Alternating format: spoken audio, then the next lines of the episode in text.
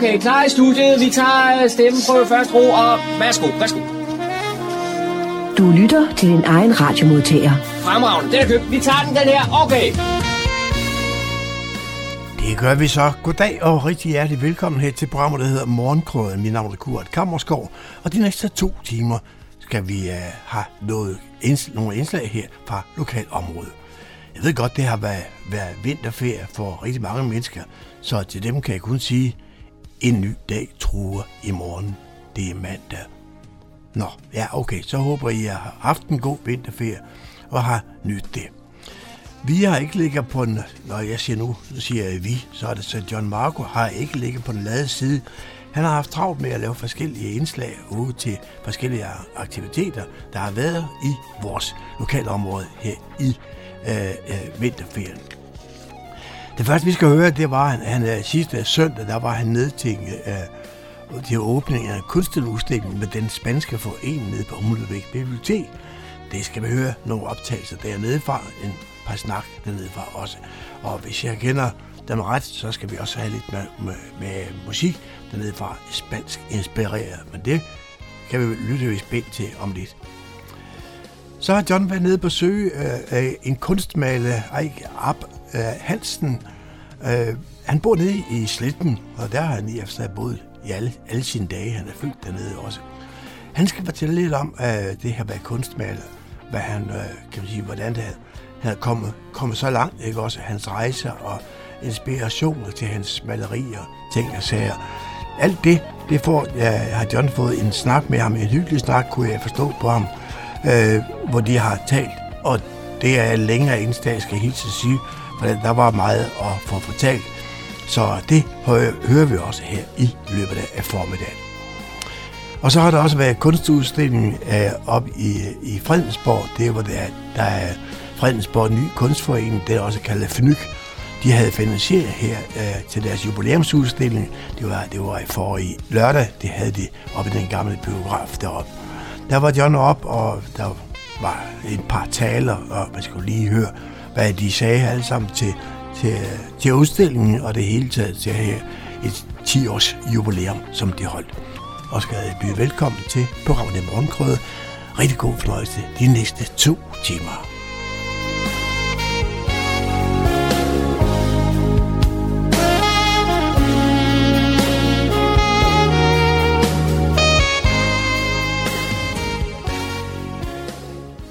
Hvis ret skal være ret, ja, det skal det jo en gang imellem, så skal jeg beklage, at jeg sidder og, og fabler noget om, at det var vinterferie. Det står der bare på mit papir, jeg har skrevet her. Hvorfor? Det ved jeg ikke. Det var jo selvfølgelig efterårsferien, vi lige fået overstået. Mere musik herfra. Søndag den 13. oktober åbnede den spanske forening en kunstudstilling på Humlebæk Bibliotek. Vi giver først ordet til foreningens formand, Anna Maria Vega, der byder velkommen. Jeg vil bare sige velkommen til en gang igen vores spanske øh, præsentation af de dygtige kunstnere. Øh, vi, har, vi, er, i, vi er ikke en øh, kunstforening. Vi er en kulturforening men det er ligesom som kunst hører os under kultur. Ikke? Og det har vi gjort faktisk, og næste år bliver den 20. gang, vi har gjort det. Så vi har den der udstilling med de forskellige kunstnere i snart 20 år næste år. Skal vi have sikkert fester mere, om vi bliver. Ja, dejligt, det elsker jeg. jeg vil lave en lille fester hver gang, så det er lidt af. Og øhm, vi, vi siger velkommen til alle medlemmerne, kunstnerne og, og øh, de gæster, der kommer og vil gerne hilse på os. Ikke? Ole, ole! Ole! Allá. Esa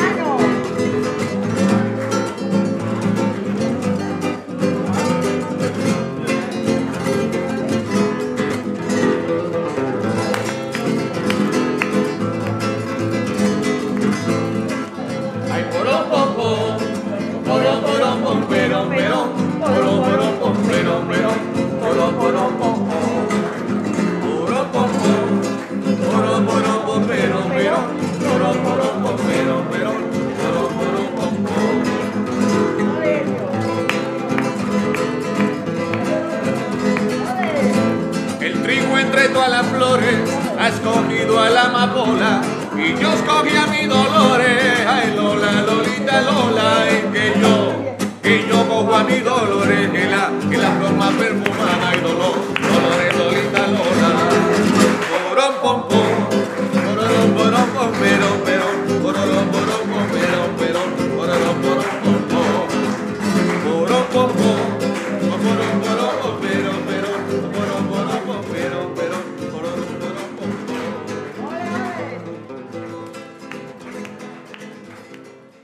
står jeg sammen med, med formanden for den spanske kultur- og musikforening, Anna Maria Vega. Anna Maria, det er da noget af et flot arrangement, I har, I har lavet her i dag. Det gør, vi, det gør vi hver år, det der udstilling. ikke? Så det er snart 20 år, næste år er 20 år siden, vi starter med det. Og hvor mange kunstnere udstiller der? Og så det plejer at være 4-5 stykker hver år. Nogle gange er vores egne, og nogle gæster. Og så kommer der et af de andre bestyrelsesmedlemmer her, nemlig Anne-Marie. Og øh, Anne-Marie, du har også øh, noget, noget kunst med i dag. Ja, det har jeg. Jeg har øh, seks billeder med derinde. Nej, otte billeder har jeg med, og de fire af dem, det er sådan en... en- De kan være hver for sig, men de kan også sættes sammen til, til et, hvor det er sådan et landskab med bjerge. Det, som regel er det noget, der er inspireret fra Spanien, fra alle kulturrejserne og sådan noget. Og det var jo også det første, jeg bemærkede, da jeg kom ind i udstillingslokalet. Det var netop øh, de der fire malerier, du har sat sammen. Ja. Hvordan har du fået sådan en idé? Ja, det er sådan, altså, jeg tror bare, at jeg begyndte at male øh, et eller to, og så har jeg måske sat dem ved siden af, hinanden for at se, hvordan det så ud. Så, så tror jeg, at ideen opstod der. Men det ser ud som om, man ikke øh, skulle skille dem ad. De hører sammen. Ja, det kan, det kan de sagtens, men øh, de kan jo også hænge hver for sig. Men øh, så ser det godt ud i det store lokale her. De hænger ved siden af hinanden, synes jeg. Og Hvor man kan komme på afstand og se på dem. Og hvor længe har du så været kunstmaler? Ja, jeg har altid, helt fra øh, barn, har jeg kunne lide at tegne, og da jeg var teenager, kunne jeg også lide at tegne og lave digte og sådan noget. Så det har jeg nok altid haft i mig. ja, jeg, kan også, jeg skriver også sange, og sådan, altså lejlighedssange, ikke? festsange. Øhm, men at male sådan, det har jeg gjort i 20 år eller sådan noget her. Lave malerier og udstillet. Jeg har næsten haft øh, 100 udstillinger og sådan noget.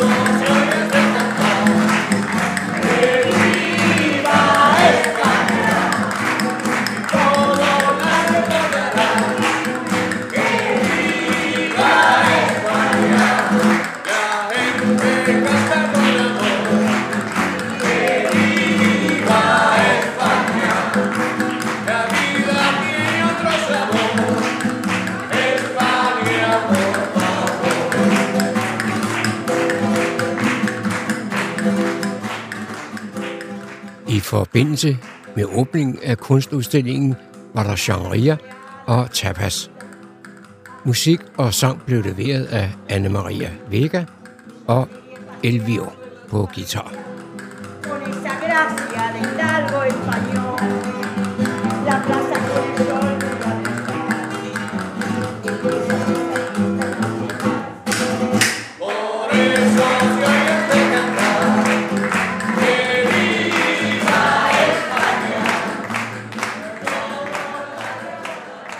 Jeg er taget til Gammel Strandvej i Sletten, og her er jeg gået indenfor hos Ege Arp Hansen. Ege, øh, hvor i verden stammer du fra? Jamen, jeg er faktisk født her på Gamle Strandvej, øh, i det hus, der ligger foran det, hvor jeg bor nu, i 1958, op på første sal. Øh, og min mor, hun plejede at fortælle mig, at det var som at smutte mandler. Så altså, hun, hun mærkede ingenting. Og, øh, og der boede jeg så, ja, der boede jeg så de første 20 år af mit liv, ikke? Så flyttede jeg øh, til København og boede rundt omkring i verden, i Japan, Italien og Schweiz i, i nogle år. Og så de sidste 12 år har jeg så boet her på Gamle Strandvej igen og passet lidt på min mor. Hun er 98 nu. Hvad var grunden til, at du sådan farede rundt i hele verden? Det var, fordi jeg havde lyst. Det er sådan en meget grundlæggende ting i mit liv, at man skal prøve på at gøre de ting, man har lyst til. Men, men, men det er jo ikke sådan, at man kan gøre hvad som helst. Vel? Man, man kan måske lave en liste med 10 ting, man rigtig gerne vil. Og, og hvis man kan de tre første, så skal man være meget, meget glad. Øh, og det var så også det, jeg så valgte på et tidspunkt. Ikke? At jeg tænkte, nu må jeg passe på den gamle. Så det giver nogle begrænsninger, men det giver så også en anden frihed. Jeg går ud fra, at grunden til, at du tog hjemmefra på disse lange ture, det var, fordi du søgte et eller andet. Og, og fandt du det? Tja, måske. men altså, jeg tror nu ikke, man behøver at rejse ud for at finde sig selv. Øhm, men jeg tror, at med alderen, så bliver jeg mere og mere mig selv. Og, og måske er jeg ved at være der. Grunden til, at du og jeg har kontaktet hinanden i dag, det er, at jeg vil høre lidt om din kunst. Og så kunne jeg forestille mig, når man nu rejser rundt på, på kloden, at man får nogle inspirationskilder. Ja, øh, jeg boede et år i Japan, Øh, og det har været en stor kilde til inspiration. Øh, jeg læste meget japansk øh, buddhistisk filosofi på engelsk, mens jeg boede i Japan. Jeg har, jeg har en meget sjov historie, øh, som jeg selv holder meget af. Og det var, jeg, jeg var, øh, det er begyndelsen af 80'erne, var jeg øh, et års tid på Jytte Appelstrøms øh, teater i København, og øh, som fjerde bølge for højre, øh, men med sådan til lidt af hvert, ikke? Og, øh, og der var så en scenograf, og vi, sad til en fest, og, og jeg havde været i Kina i tre måneder i efteråret, og så havde jeg så besluttet, at jeg ville øh, til Japan. Og det er så en anden historie. Der er masser af små historier. Du må egentlig holde fast i den røde tråd, for jeg glemmer den tit. Øhm, det er jo de små sidehistorier, der gør livet værd at leve. Ikke? Det, det der at gå lige fra vugge til grav, det er ikke så sjovt, ja? uden at der sker noget. Men øhm, han fortalte mig så, at nu skal du høre øh, et, et digt, siger han så. Og han var meget til, til Nordbrand og sådan noget, lange, tunge ting. Og så sagde han det her, øh, den gamle dam, en frø springer, lyden af vand. Nogle gange bliver det sidste også oversat som plask. Øhm, og så, så, så, så sagde han ikke mere. Og så siger jeg, ja, Jamen, så der er ikke mere, siger han så. Og så begyndte jeg at skrælle grine. Det synes jeg var så morsomt. Altså noget kunne være så kort. Det var så et haiku. Det var mit første møde med et haiku. Så, så kom jeg så til Japan, og, og jeg fik faktisk et job derovre, fordi øh, jeg talte ret godt engelsk. Øh, som engelsklærer, jeg skulle... Øh, jeg skulle, øh, på det tidspunkt i hvert fald, der lærte, havde de et meget stort, øh, japanerne et stort passivt ordforråd. Øhm, men de lærte ikke at bruge det aktivt og tale engelsk. Så det var sådan set mest det, jeg skulle. Jeg skulle få dem til at sige noget og stille dem spørgsmål, så de kunne, så de kunne bruge det. Um, men så begyndte jeg så at interessere mig øh, for buddhistisk øh, ja, religion, filosofi. Og så øh, de første bøger, jeg fandt, det var så et firebindsværk med haiku. Og så tog jeg, og der var mellem måske 12-1500 sider i alt. Ikke? Øh, og så tog jeg et af de her bind ned, og så slog jeg op, og der var så det der haiku, han havde fortalt, og jeg tænkte, okay, de bøger skal jeg købe. Og det endte med, at jeg købte mange bøger, øh, øh, mens jeg boede derovre, øh, og læste med stor interesse. Så den aller sidste dag, efter næsten et år, hvor jeg var der, der var jeg flyttet syd for Tokyo, noget der hedder Kitakamakura, som er, har været Japans hovedstad og kejserbyen helt tilbage på, jeg tror det var 11-1200-tallet. Så der er mange templer, og det er et meget smukt område. Og så gik jeg så en tur, en tur jeg plejede at gå i de små bjerge. Øhm, og øh, så havde jeg fundet nogle forladte rismarker, hvor der var en lille dam, hvor man kunne sidde i fred og ro og, og tænke over livet og småmeditere. Og der var fuldkommen stille. Selv på søndag var der ikke et øje, selvom der boede altså i 10.000, i 100.000 vis af mennesker og japanere rundt omkring. Af en eller anden grund kom de ikke derned. Altså, jeg, jeg tror ikke, det var forbudt, eller jeg, jeg ved det ikke. Det kan være, det var privat, men det var ikke, der var aldrig nogen, der smed mig ud i hvert fald. Nå, men så gik jeg hen, og tænkte nu vil jeg lige gå derhen for sidste gang. Og så da jeg nærmede mig dammen der, så hørte jeg et plask. Altså, tænkte, nå, tænkte jeg så. Og så gik jeg hen over, der var sådan en lille, et lille vandløb. Jeg skulle lige, man kunne lige træde over det, det var 20-30 cm bredt. Og så kunne jeg se, under vandet, der sad en tusse. Der sad sgu en frø. Og så begyndte jeg at græde. Det sagde det var for meget. Der er altså noget, der hænger sammen her på måder, som jeg ikke forstår. Men det, der så var sjovt ved det, var jo, at det oprindelige digt siger jo den gamle dam, en frø springer, plask, lyden af vand. Det her, det var jo så den gamle dam, plask, en frø. Jeg så frøen til sidst. Men altså, hvad det så betyder, men det er okay, livet er sjovt. Og så nogle sammentræf har, har jeg oplevet mange af. Men, men det, er jo så, det er jo så de tidspunkter, man lægger mærke til den slags øh, sammentræf. Fordi jeg er sikker på, at der er millioner af den slags sammentræf, som vi aldrig nogensinde bliver opmærksom på.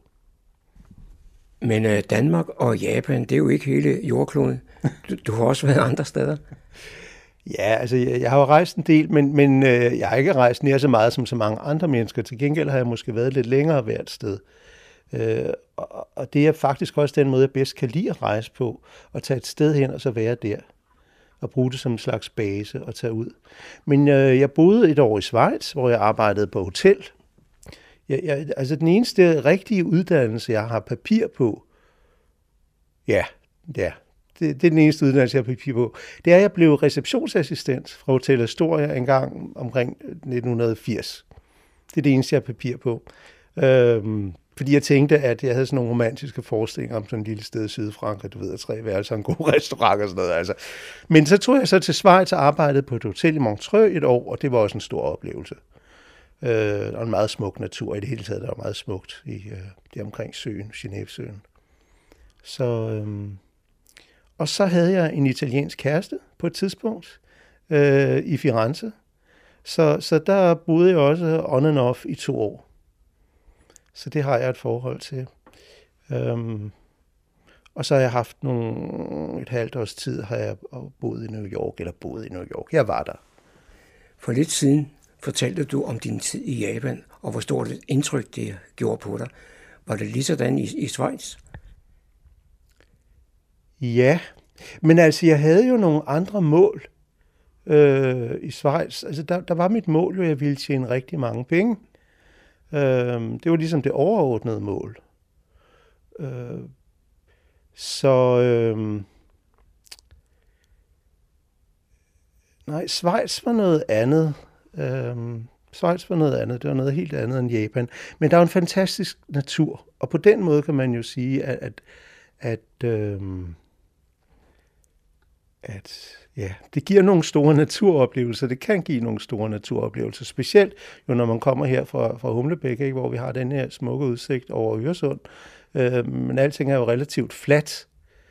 Så er det jo fantastisk at komme til et land med bjerge. Øh, og stillheden i bjergene er jo en helt anden end stillheden ved havet, fordi der har du jo lyden af vand hele tiden. Så øh, men jeg vil sige, altså, at året i Japan var fantastisk. Det, det, det, det var det. Men jeg holdt også meget af at, at være i Schweiz. Nu er det første gang, jeg er her på adressen hos dig, E. Og øh, jeg blev lidt overrasket. Jeg havde fået at vide, at jeg skulle igennem en, en, en have. En, en slags vildnis. En Men jungle? At, at det virkelig var en jungle, det havde jeg ikke taget mig af. Hvorfor ser din have sådan ud? Fordi jeg godt kan lide det. Øhm, det var så året før, jeg tog til... Øh, eller, altså, det har altid interesseret mig at, at, at lave have og lege med haven. Og det har jeg gjort hele mit liv. Ikke? Jeg, jeg er utrolig privilegeret, jeg har haft et forhold til det her sted hele mit liv. Øhm, så øh, da jeg var syv år, fik jeg lavet min far et hjørne af haven, hvor jeg fik et lille drivhus, øh, og hvor jeg så kunne gøre hvad jeg ville. Og jeg havde, jeg havde, jeg, min far havde en masse gamle vinduer, sådan nogle forsatsvinduer og sådan noget. Der lavede sådan nogle glasbuer, store glasbuer, så havde jeg snegle i dem og tusser og, og ting og sager. Øhm, så jeg, det har været mit livs legeplads, det har været den her have. Øh, og der har været mange forskellige planter jeg, jeg, som barn, og det må man jo ikke, men jeg ved ikke, om det var forbudt dengang. Der, øh, der hentede jeg kodriver, og, og de står stadigvæk ude i haven rundt omkring og har stået her siden. Øh, jeg troede, de var væk en række år, men så lige pludselig lagde jeg mærke til, at Gud, de, de havde overlevet. De kan så sig selv. Så, øh, og nu får de lov til at sprede sig lidt mere. Jeg passer lidt på dem, for det synes jeg er sjovt. Øh, men, men jeg har været meget planteinteresseret og, og, og plantesamler. Er der nogen, der kender mig som næsten? Jeg var medlem af Dansk Rhododendronforening en række år. Øh, og der på min rejse til Kina i, i 85, der samlede jeg frø på et bjerg, der hedder Omaishan, som ligger i Sichuan-provincen. Det er jo højt op. De fleste rhododendron kommer jo fra Himalaya. Øh, fordi der er jo koldt på toppen, ikke? så de kan gro i vores klima. Og øh, så de fleste af de, rhododendron, eller måske halvdelen måske af de rhododendron, der er ude i haven, det er nogle fra min egen indsamling, og nu er de nogle af dem 3-4 meter høje.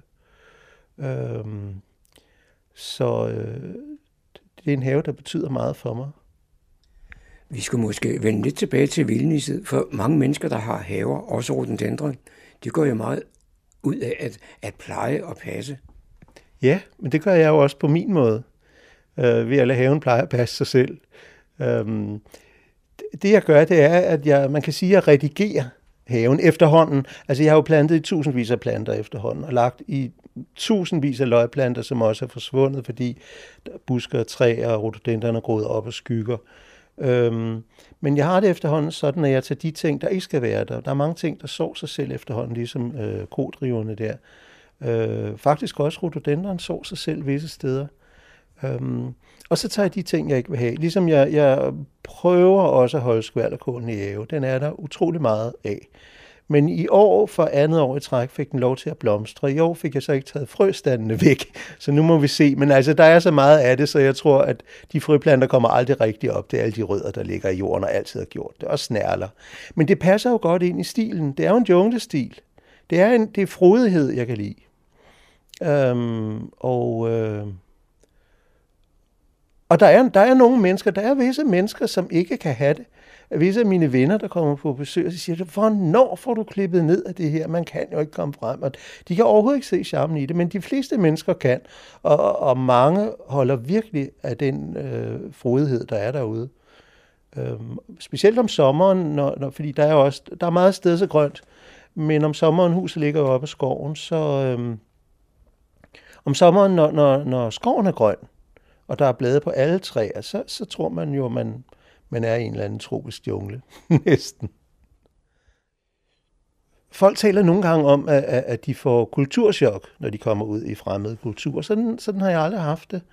Øh, jeg har oplevet, øh, og ikke sådan tænkt nærmere over, Nå, hvorfor gør de sådan, og hvorfor gør de sådan. Jeg tænkte, jeg har ligesom fulgt med. Men så havde jeg en sjov oplevelse, øh, da jeg kom hjem fra Japan og havde fået min kæreste i Firenze. Så var vi på besøg hos en øh, tysk antikvitetshandler. Og øh, ja, der er faktisk to trin i den her historie, men det er sådan set... Lad mig hellere fortælle det, det, det, det første trin først. Øhm, det var så, at så var vi oppe i et kapel øh, oven for Firenze, hvor der var nogle utrolig smukke frisker øh, som jeg skulle se. Og så kom jeg ind i et sidekapel. Jeg havde været i Japan og besøgt de her zen-buddhistiske templer, hvor der næsten ikke er nogen dekoration og alting. Det er sådan meget øh, rent og afklaret. Øh, ikke så meget, der forstyrrer. Øh, og så kom vi ind i det her sidekapel. Og så var der så en øh, sådan et barok ja, jeg ved ikke, det må vel hedde et sarkofag, men altså, der var glassider og glaslåg på, og så var det så dekoreret alle, øh, er det sprosser, de hedder, eller sådan noget, ikke? Som, ja. Men, men så var der sådan en stor, øh, store glasplader i, øh, og den var vel en 2-3 meter lang og en halvanden meter høj eller sådan noget. Og så indeni med lys på, lå der så den lidelsesfulde Kristus med, med sådan en træfigur, bemalet træfigur, med, med, sådan, med blod løbende ud og tornekroner og det hele mulvitten, ikke? Og der var det ligesom, der kom jeg tilbage til Europa. Øhm, og det var måske... Jamen, du var vel i Europa? Jeg var i Europa, og jeg havde været i, i Danmark. Jeg havde været der næsten et år i Danmark. Men det var ligesom om, der gik, det var, det var ligesom øh, de to modpoler. Den der afklarede ro i de sendbuddhistiske templer, og så den der lidelsesfulde smerte, som, som, som blev udstillet i en glasmontre fra, jeg ved ikke, 1630. Det var, det var meget underligt. Men, men så var der også det, vi var på besøg hos en til middag, hos en tysk antikvitetshandler, øh, og, øh, og hun havde så lavet en, en kæmpe stor steg, en dejlig stor oksesteg, eller hvad det var. Og så kom hun ind med den til bordet, og så øh, hævde hun så den her stegegaffel ud og en kæmpe stor kniv, og ned i stegen, og så skar hun, ikke? Og der var det igen, det var måske otte måneder eller et år efter, jeg var kommet hjem. Ikke? Nu havde jeg så spist japansk mad, ikke med pinde, altså alting bliver serveret øh, æstetisk i små portioner, og, og, og alting er så smukt og, og velafbalanceret, ikke?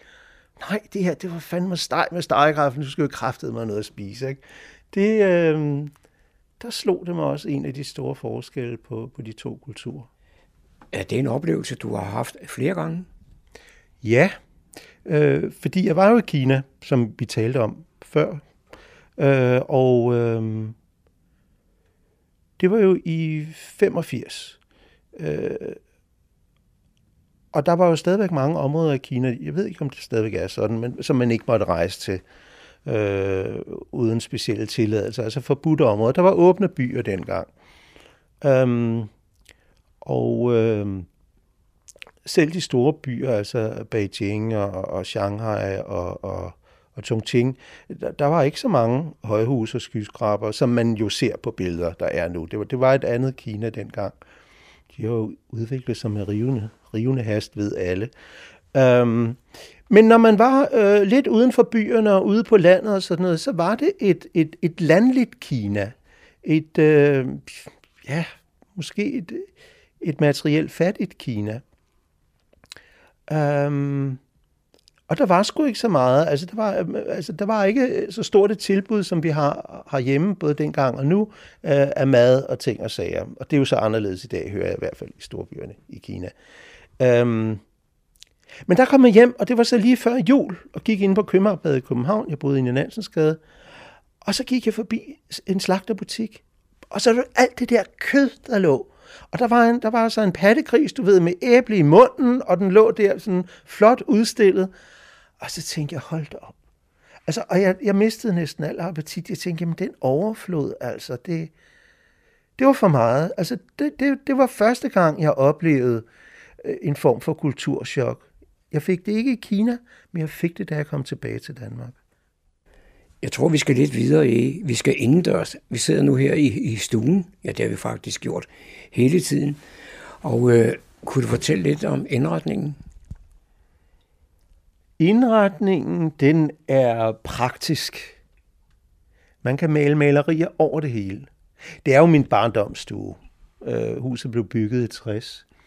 Men øh, nu har jeg så overtaget huset, og øh, nu er det min stue. Og min mor synes, det er fantastisk. det jeg vil frem til, det er jo alle disse malerier, yeah. der både står og hænger alle vegne. Ja. ja, der er maleri over det hele. Jeg malede mit første maleri, da jeg var omkring 12-14 år. Det var et portræt af Tutta Rosenberg, hvis folk kan huske hende. Uh, med kæmpe store røde læber og ja, jeg ved ikke rigtig, hvad hun lignede. Altså, i dag ved jeg slet ikke, hvad hun lignede, men, men, men, men dengang, hun har, altså, der, hun har gjort et indtryk. Øh, fordi jeg måtte male et maleri af hende. Hun sad så ikke model for mig, ikke? det var efter hukommelsen. Øh, I farver, selvom det var, jeg ved ikke, jeg kan sgu ikke huske, om det indslag dengang var i sort-hvid eller farver. Men der malede jeg så et maleri af hende som, som, som 14-årig, et portræt i olie, som jeg forærede min søster, og det er så blevet væk det er tabt for, for verdenskunsten. Det, eller også hænger det et eller andet sted, eller overmalet, eller hvad ved jeg. Um, og så malede jeg ikke særlig meget i mange år. Jeg lavede lidt ind imellem, så begyndte jeg at skrive skuespil, og, og, og, og, og i 90'erne fik jeg en 5-6 skuespil opført, og jeg fik øh, meget fine legater af Statens Kunstfond og Litteraturrådet, og øh, ja, jeg var meget heldig. Øh, og øh, så for nogle år siden, altså da jeg flyttede herop igen, så, så, så, gen, så tog jeg malingen op igen for alvor, maleriet. Øh, og de sidste ja, 3, 5, 6 år, der har jeg malet stort set døgnet rundt. Og det udvikler sig med rivende hast. Og jeg synes, det er helt fantastisk. Altså, og jeg kan sådan set ikke rigtig forstå, at, at, at jeg ikke har, har taget det så alvorligt før. Men altså, jeg havde jo skriveriet, og, og, og, det, og jeg holder stadigvæk meget af at skrive, men jeg kan ikke gøre begge dele. Øh, jeg, jeg er sådan meget ensporet øh, på det område med hensyn til, hvad jeg gør og hvad jeg interesserer mig. Øh, altså, jeg, går op i, jeg kan gå op i én ting med liv og sjæl, og det giver mig en stor tilfredsstillelse. Men hvis jeg begynder at sprede mig, så, så, så, så bliver jeg ikke lige så tilfreds eller lige så glad. Jeg skal gå glad. Jeg skal gå i dybden med tingene. Det, det tilfredsstiller mig, ikke? Og, og, ligesom, og det gør jeg nu med farverne. Og det er først og fremmest farverne, der interesserer mig i malerierne. Det er de enkelte pigmenter, og måske to eller tre pigmenter, og så udvikle dem og se, hvad de kan. Ikke bruge dem fra den lyseste lyses til den mørkeste mørke. I det pigment, hvad enten det er en gul eller en grøn, eller hvad det er. Det synes jeg giver de klareste farver, når man, når man nøjes med at bruge et eller to pigmenter. Du var inde på, at det er farven, der betyder noget for dig. Og så sidder jeg og kigger mig omkring her, og så kan jeg se et par lader, hvor der næsten ingen farver er. De lader, hvor der næsten ingen farver er, det er... Altså, jeg var i gang for nogle år siden med at bruge mindre og mindre farve på lærrederne. Uh, fordi det giver en lethed og en, en, en, en, en diset lethed, som, som jeg er meget fascineret af. Øhm. men så så jeg et stort maleri af en kinesisk kunstner, der hedder Qi Shihua. Og jeg har hørt det flere gange på nettet, det staves altså helt anderledes, men jeg tror, det er udtalt nogenlunde rigtigt. Qi Shihua. Um, øhm. og da jeg først så maleriet, Øh, det var på en udstilling, øh, jeg kom ind i, i, i, i lokalet. Øh, det var hvidt. Jeg tænkte, nå, okay, hvide malerier er stadigvæk moderne, tænkte jeg så. Men så uh, kustoden, øh, jeg tror, jeg sagde det, fordi han stod ved siden af. Ikke? Jeg, måtte, jeg måtte ligesom blære mig til nogen. Ikke? Og så sagde han, ved du prøv lige at kigge på det igen. Ikke? Det er et meget stort maleri, 5 gange 4 meter eller sådan noget. Øh, prøv, prøv, prøv at kigge lidt på det, siger han så. Stå lidt stille. Ikke? Og så stod jeg stille, og så kunne man se, så kom motivet langsomt frem. Jeg tænkte, det er fantastisk. Det er fantastisk, at der er en kunstner, at folk skal give sig tid til at se hans malerier. De kan ikke bare lige gå forbi og sige, kan jeg lide det, kan jeg ikke lide det. De er nødt til at stå lidt stille, og jo mere de ser på det, jo mere træder motivet frem. Øhm, og øhm, da jeg begyndte at male igen i den her omgang, Øh, der var jeg, ja, der var jeg et helt andet sted, end jeg er nu. Ikke? Øh, jeg har været igennem mange perioder. Jeg malede bare alt, hvad jeg havde lyst til. Flere hundrede malerier øh, og tegninger. Alt muligt. Det sprøjtede ud af mig. Um, men så efterhånden kom jeg frem til det her udtryk og de her teknikker, som jeg så bruger og selv har. Jeg har ikke opfundet dem, men jeg har selv fundet dem. Der er ikke nogen, der har lært mig noget med hensyn til det her. Der, der har jeg også altid været. Jeg har været svær at lære noget, hvis, hvis det ikke virkelig interesserede mig. Altså det der at lære en masse teori, som jeg ikke rigtig kunne se formålet med, altså, øh, hvad hedder det, øh, øh, grammatik og sådan noget. Det, men, men at lytte sig til et sprog og tale sig til et sprog, det, det synes jeg er sjovt. Det, det er ligesom min måde at gøre det på. Men der kom jeg frem til det her udtryk, som jeg er i nu.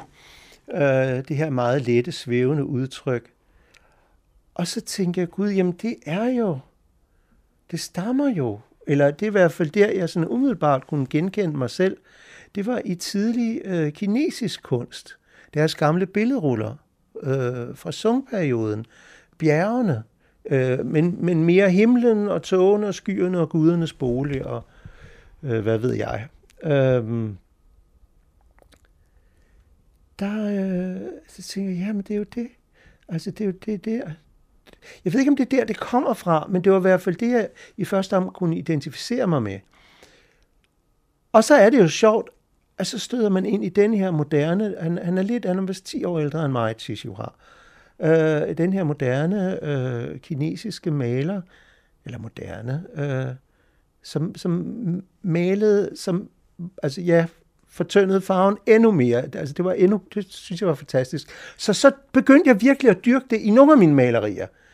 Øh, fordi jeg, har, jeg, holder, jeg holder alle farver, jeg bruger alle farver, og jeg, og jeg bruger også meget kraftige farver til visse malerier. Så, så øh, det, altså når jeg begynder at male, så, så jeg først vælger jeg størrelsen på lærredet. Jeg skal have lyst til en større... Det er ligesom den der fornemmelse, hvor meget plads vil jeg arbejde på? Har jeg lyst til at arbejde på? Øh, og så får jeg lyst til at arbejde, tænker eller hvilken farve har jeg lyst til at arbejde med, eller begynde med i dag? Hvilket pigment? Og det er som regel færdigblandede farver, men det er gode farver, hvor der kun er ét pigment i. Ikke? Jeg fornemmer, at de øh, billeder, du har stående her, som, som du netop taler om, det er mere stemninger, end det er motiver. Ja, det er selvportrætter, ikke? Altså al kunst er selvportrætter, hvis vi skal tage det fra den vinkel. Fordi hvad er det i virkeligheden? Ja, det er farve på lærredet, ikke? Øh, så det... Øh, det er jo, det er jo et... Øh, det er jo et, et, et, hvad skal man sige, ja, et portræt af den stemning og, og det humør, jeg er i i det øjeblik, jeg maler maleriet. Ligesådan farvevalget. Hvad er det for en farve? Farverne gør noget ved, os. Farvevibrationerne i maleriet, øh, det arbejder jeg meget med, men det er jo ikke sådan, jeg tænker, nu skal jeg arbejde med en gul farvevibration. Nej, jeg tænker, nej, nu skal jeg arbejde med denne her gule. Altså, hvad er en farve? Der er ingen, der kan sige, hvad en farve er. Hvad er en farve? Ikke? Altså, hvad er noget? Altså, der er jo der er ingen, der ved, hvad noget er i virkeligheden, og hvad er meningen med livet, og hvad ved jeg, ikke? Altså, de lærere, vi sidder og taler om her, de er jo ikke særlig figurative. Har du nogensinde arbejdet med det? Ja, den ene gang, jeg, jeg malede, det første billede, jeg malede, jeg, jeg talte om før med, med Tuta Rosenberg, øh, det er det eneste figurative maleri, øh, jeg nogensinde har lavet. Og der var jeg altså de der 12-14 år. Det interesserer mig ikke. Altså, det, øh, jeg synes, det er røvkedeligt. Jeg har prøvet en gang imellem sådan, og sådan, at sidde og tegne et eller andet, jeg kan se, hvad er, og sådan noget. Men altså, det interesserer mig ikke. Altså, jeg, jeg har lyst til at, at, at male nogle ting, der ikke er i verden. Jeg har lyst til at bringe noget ind i verden, som ikke umiddelbart er her. Fordi selvfølgelig er det her på en eller anden måde, ikke? Men, men det er ikke sådan noget, man umiddelbart kan se de grønne tåger, eller de gule tåger, eller hvad ved jeg. Måske findes de på Mars eller Venus, eller et eller andet, hvor der er masser af kemi og ting og sager. Men, øhm, men det er jo farverne. Det er, det, det, hvad er det, farverne gør ved os? Nogle af farverne virker meget kraftige og oplevende, ikke? og så nogle af de meget øh, øh, øh hvad hedder det, sarte billeder, eller de, de, de, de grønne, du kan se derovre, ikke? så meget så grønne, de virker jo meget beroligende og afbalanceret, i hvert fald på mig. For nogle dage siden var du med i et arrangement, noget der blev kaldt minikunstrunden, hvor folk de kom og besøgte dig i atelieret. Ja, det er altid en stor oplevelse at, at have folk på besøg i atelieret, kunstinteresserede mennesker. Øh, og det her var ingen undtagelse, men det var første gang, der var så mange, og det er nok lige, jeg tror, der var 12, 14, 14 mennesker, og det tror jeg absolut i overkanten af, øh, hvad her kan være.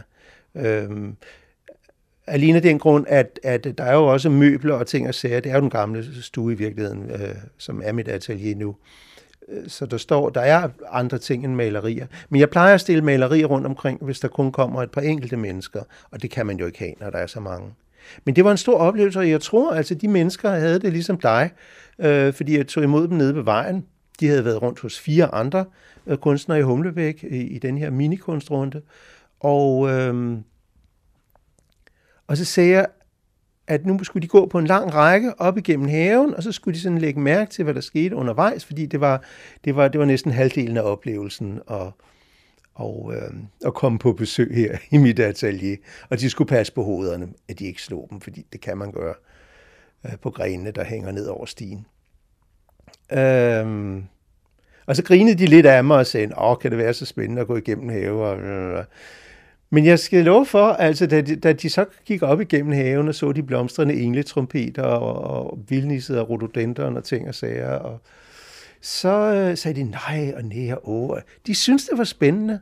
Jeg tænkte, fedt altså. Det, det var jeg meget glad for. Der var ikke en, der brokkede sig over, at de skulle bukse, eller, eller, eller, um, eller de slog hovederne imod nogle grene, eller noget som helst. Så det, det var rigtig sjovt, den del af, af, af, um, af besøget. Men altså, så, er det også altid sjovt netop at høre om folks, øh, høre folks indtryk af det, jeg maler. Af hvad de synes om mine malerier. Øh, og folk synes jo vidt forskellige ting. Det er jo sjældent, der er nogen, der siger noget dårligt, fordi så, okay, folk er jo høflige, ikke? Og, og de er på besøg. Men altså selv hvis folk siger, øh, eller, eller måske netop når folk siger noget, øh, som jeg tænker, som overrasker mig, eller andet siger, nå ja, okay, nå ja, sådan kan man jo også se det. Ikke? Jeg er meget åben over for, og, og jeg synes, det er en berigelse at, at høre, hvad folk synes om det, jeg laver. Det er altid en glæde at have folk på besøg. De ting, som folk siger til dig, er det så ting, der kan påvirke dine, dine malerier fremover? Muligvis. Altså, jeg, jeg, jeg havde... Altså, det, det er måske ikke så udbredt nu, som det var i en årrække, hvor jeg på en måde var meget søgende og malede, malede meget i, i øst og vest og nord og syd. Men, men, øh, men jeg lyttede altid, hvad folk sagde. Jeg spurgte alle mennesker, hvad kan du så bedst lide? Og det var meget forskellige malerier, folk kunne lide. Og dem havde jeg så, lød jeg hænge fremme, de der malerier, jeg tænkte, okay, nå, den og den. Og der var nogle af de mennesker, som jeg kendte rigtig godt, tænkte, den og den kan rigtig godt lide det, og den og den kan rigtig godt lide det, ikke? Um, og det lærte jeg meget af, altså på en eller anden måde. altså, men, men ja, hvad folk synes er godt i malerierne, men, men altså, om jeg, om jeg... Jo, jo, jo, jo, jo, altså... Ja, nu ved jeg ikke, om jeg modsiger mig selv fra før, men, men øh, jo, der er ting, der er ting, jeg direkte har brugt. Altså, men, men det var nok mere i begyndelsen. Men jo, det er også stadigvæk, at folk kan komme med en bemærkning og sige, Nå ja, men det, må, ja. Altså, det, det er nok mere små bemærkninger, de kan komme med. Altså, øh, hvad var det, der var en, der sagde i går? Øh, ja, det, jeg kan ikke huske det lige nu. Men der var en, der sagde et eller andet, øh, en farve eller noget hvidt i et maleri, og så tænkte jeg, nå ja, det er da rigtigt. Ikke? Så det er sådan, det er sådan små ting, i øjeblikket i hvert fald, men jeg vil da slet ikke afvise.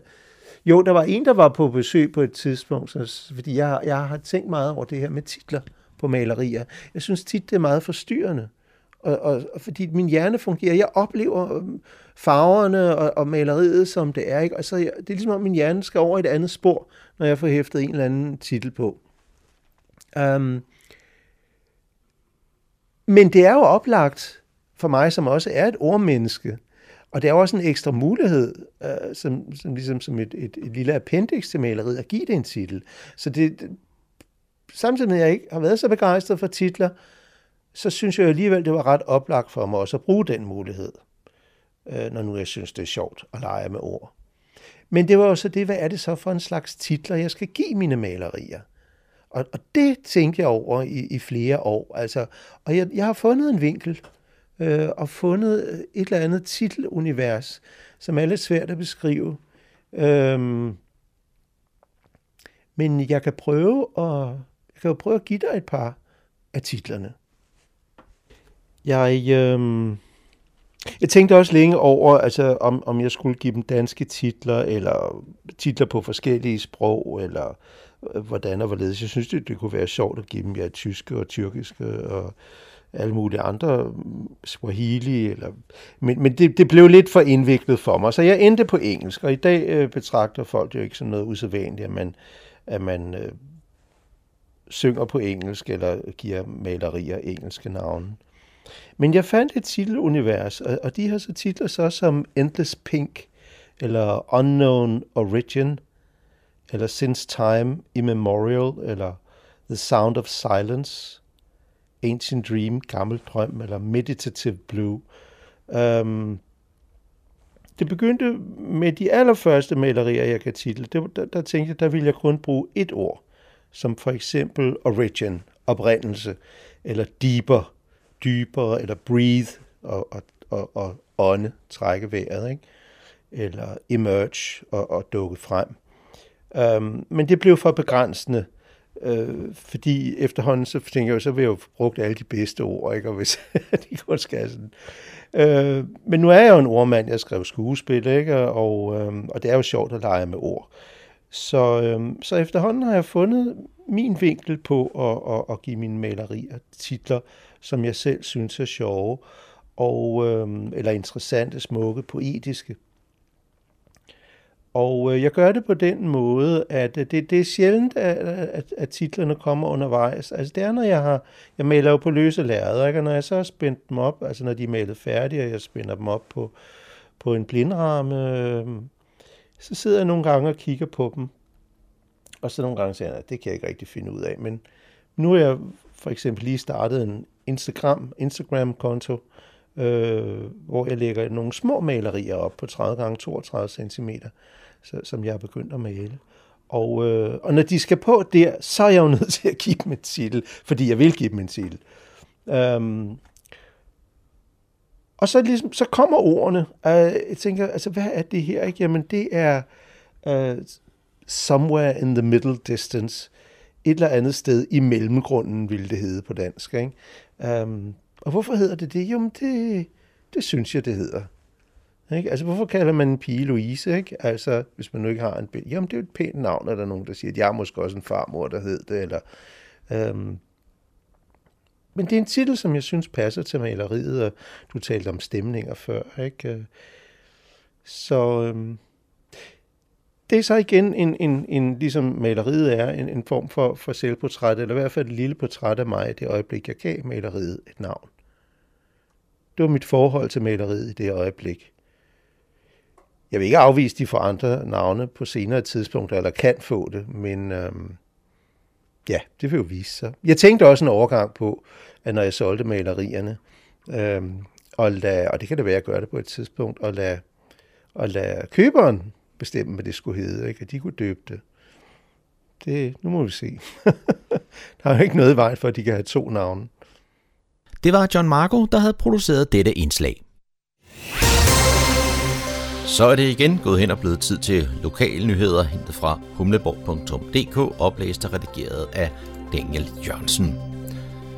For nylig mødtes erhvervsminister Simon Kellerup med borgmester Thomas Lykke Petersen fra Fredensborg Kommune for at drøfte Fredensborg Kommunes ønske om at få ministerens tilladelse til at udvide Superbrusen i Fredensborg. Det er i dag ikke muligt på grund af begrænsninger i planloven. På mødet fremlagde Thomas Lykke Pedersen kommunens argumenter for at opnå en dispensation fra planloven, som erhvervsministeren er ansvarlig for. Det var et rigtig godt møde, hvor jeg fik lejlighed til at fremlægge de mange fordele, der vil følge med en tilladelse til Superbrusen, udtaler Thomas Lykke Pedersen.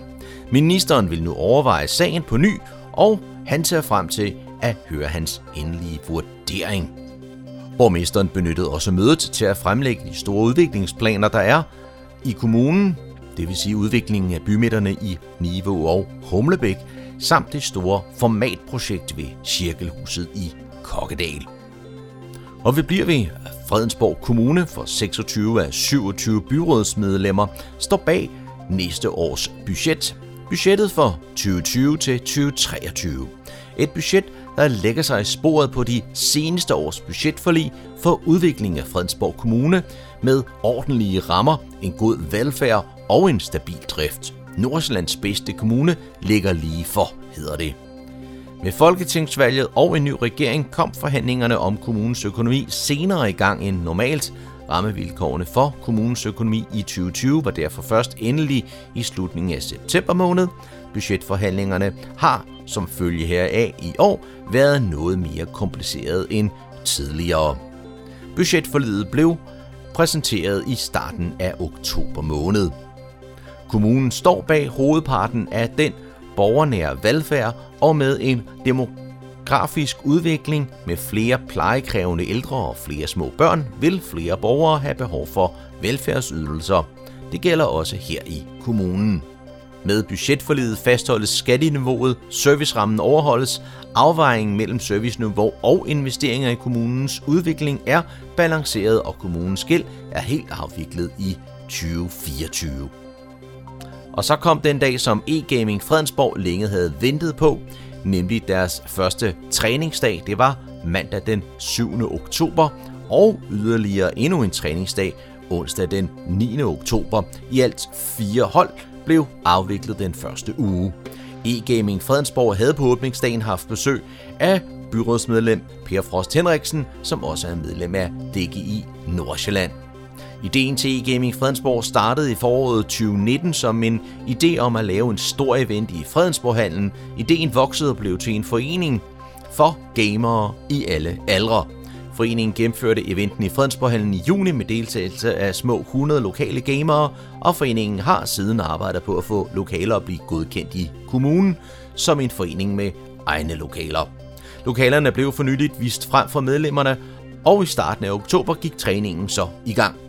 Ydermere fik cheftræner Martin og hans nye League of Legends-træner Sabina på første træningsdag et overraskende besøg af byrådsmedlemmet Per Frost Henriksen, der også sidder i DGI Nordsjælland.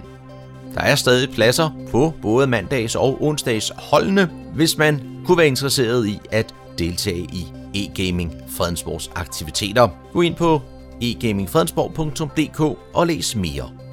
Det var, hvad vi har fundet frem af nyheder for denne omgang, hentet fra humleborg.dk, oplæst redigeret af Daniel Jørgensen.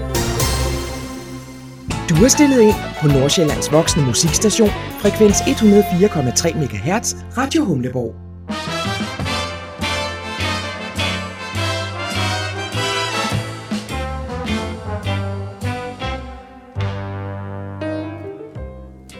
Du lytter til programmer, der hedder Morgenkrøden. En hver lighed med nogen anden eksisterende radioprogram må sige at være ren helt.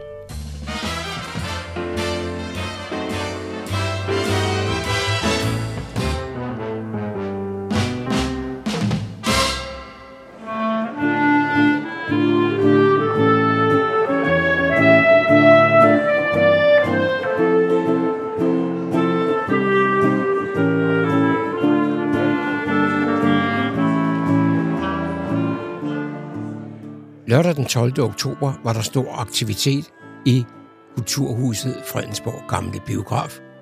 Anledningen var, at man denne dag skød en festuge i gang i anledning af, at Fredensborg Ny Kunstforening kunne markere sine første 10 år.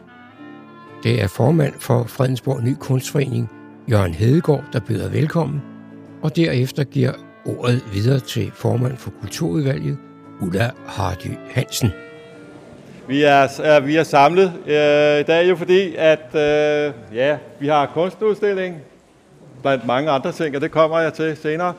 Men det er jo en ganske særlig øh, dag i dag, fordi det er sådan set også en øh, jubilæumsudstilling. Øh, det er sådan, at, øh, at foreningen FNYK, eller Fredensborg Ny Kunstforening, blev stiftet den 28. oktober 2009 Øh, og jeg synes, det er jo den her øh, fortælling om, at tiden går så hurtigt, og det gør den faktisk. Fordi jeg kan meget, meget tydeligt huske øh, den aften, hvor øh, vi holdt den stiftende øh, generalforsamling. Og det var nede i... Øh, i, øh, i hvad siger du? Var det ikke bibliotek? Jo. Ja. Og der øh, var der 23 medlemmer fra starten af. Og nu er vi over 100 medlemmer, og det synes vi jo er rigtig, rigtig fint. Vi er jo ikke her, fordi vi kun skal øh, have medlemmer, øh, men vi er her, fordi vi godt vil prøve at give så mange som muligt en god oplevelse. Enten ved at se kunst eller være med øh, til at lave udstillinger. Og nu har jeg jo den store ære og glæde, at Ulla Hardy Hansen, øh, som er formand for Kulturudvalget, om, at jeg beder dig om at øh, åbne udstillingen. Værsgo. Jeg har i den grad glædet mig til at byde jer alle sammen velkommen til denne meget spændende uge her i Fredensborg Gamle Bio. Dagen i dag er altså kun en stille begyndelse. Fredensborg Ny Kunstforening fejrer 10 års jubilæum, og det kommer ikke til at gå stille af. Jubilaren er ikke ny mere, men nu sprudlende ung og energisk. Pontus Kjærmands sammenholdsfamilie ved indgangen har sikkert undret sig over den livlige trafik ud og ind af bygningen op til i dag. Måske tænkt, at det var anden omgang af Esrum Sø rundt, der var ved at løbe af stablen, og derfor rykkede lidt beskyttende sammen i omfavnelse.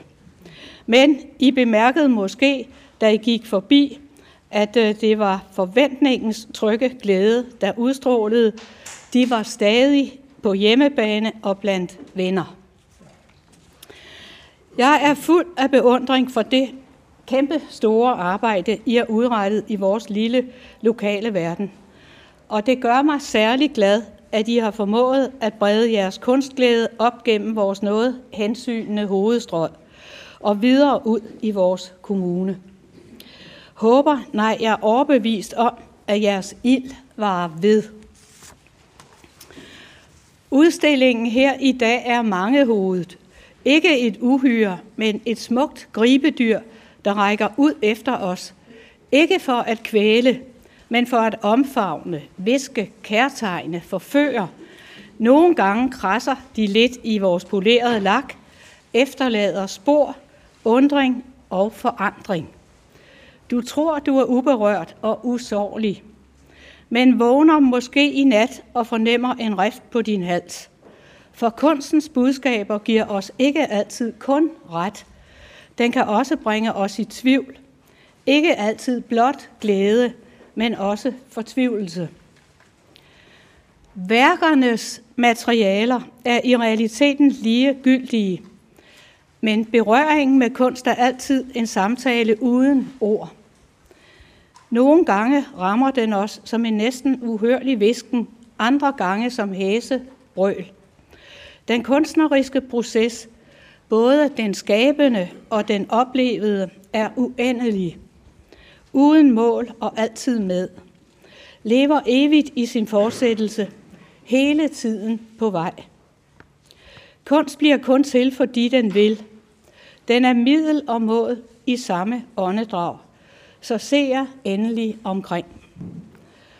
Og skulle I gå herfra og have forspist jer på former og farver, eller måske været overfaldet, forfald, hvad har jeg skrevet, forfaldet til overdreven, behagelig socialt samvær, der bestemt ikke er at foragte. Ja, så er det jo oktober og næsten på landet. Indtrykkene har måske efterladt jer kunstnerisk uforløste. Hvis så har Frank Jæger kuren i sit digt Oktober på landet. Det handler ganske vist om uforløst kærlighed – en tilstand, der bestemt ikke er fremmed i kunstneriske oplevelser. Mit vindue rykker bange i sin krog. Alene nej, på selskab er jeg sikker. Til over sengen venter bog ved bog. God aften, Evald Goldsmith Bliksen blikker. Andre kunstneriske input. Endnu en gang hjertelig tillykke til Fnyk, Øh, og tak til alle jer, der fandt vej til Fredensborg Kunstneriske Højborg. Og husk, festen fortsætter langt ind i næste uge med både musik, film og foredrag og meget mere. Hjertelig tillykke og tak.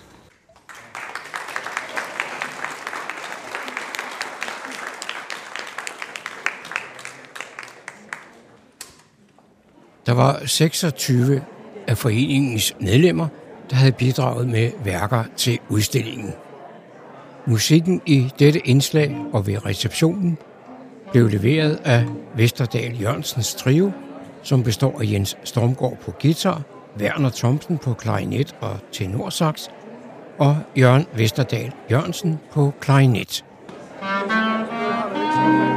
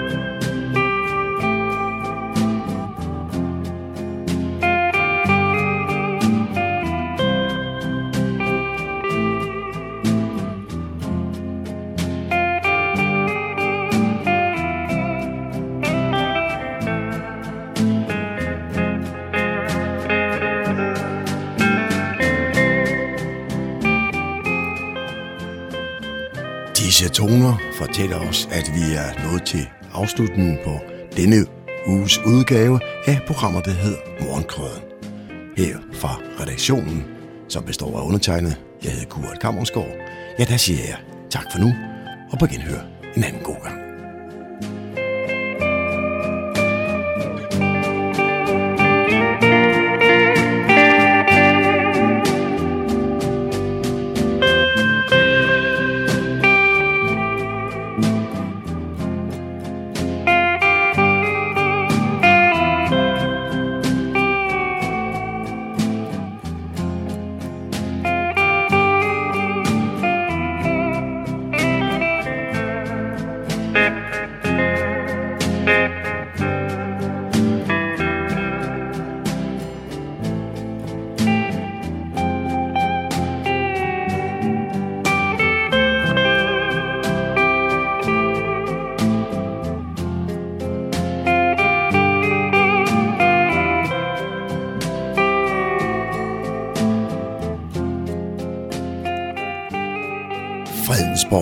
Lokalradio, Radio Humleborg, Nordsjællands mest voksne lokalradio.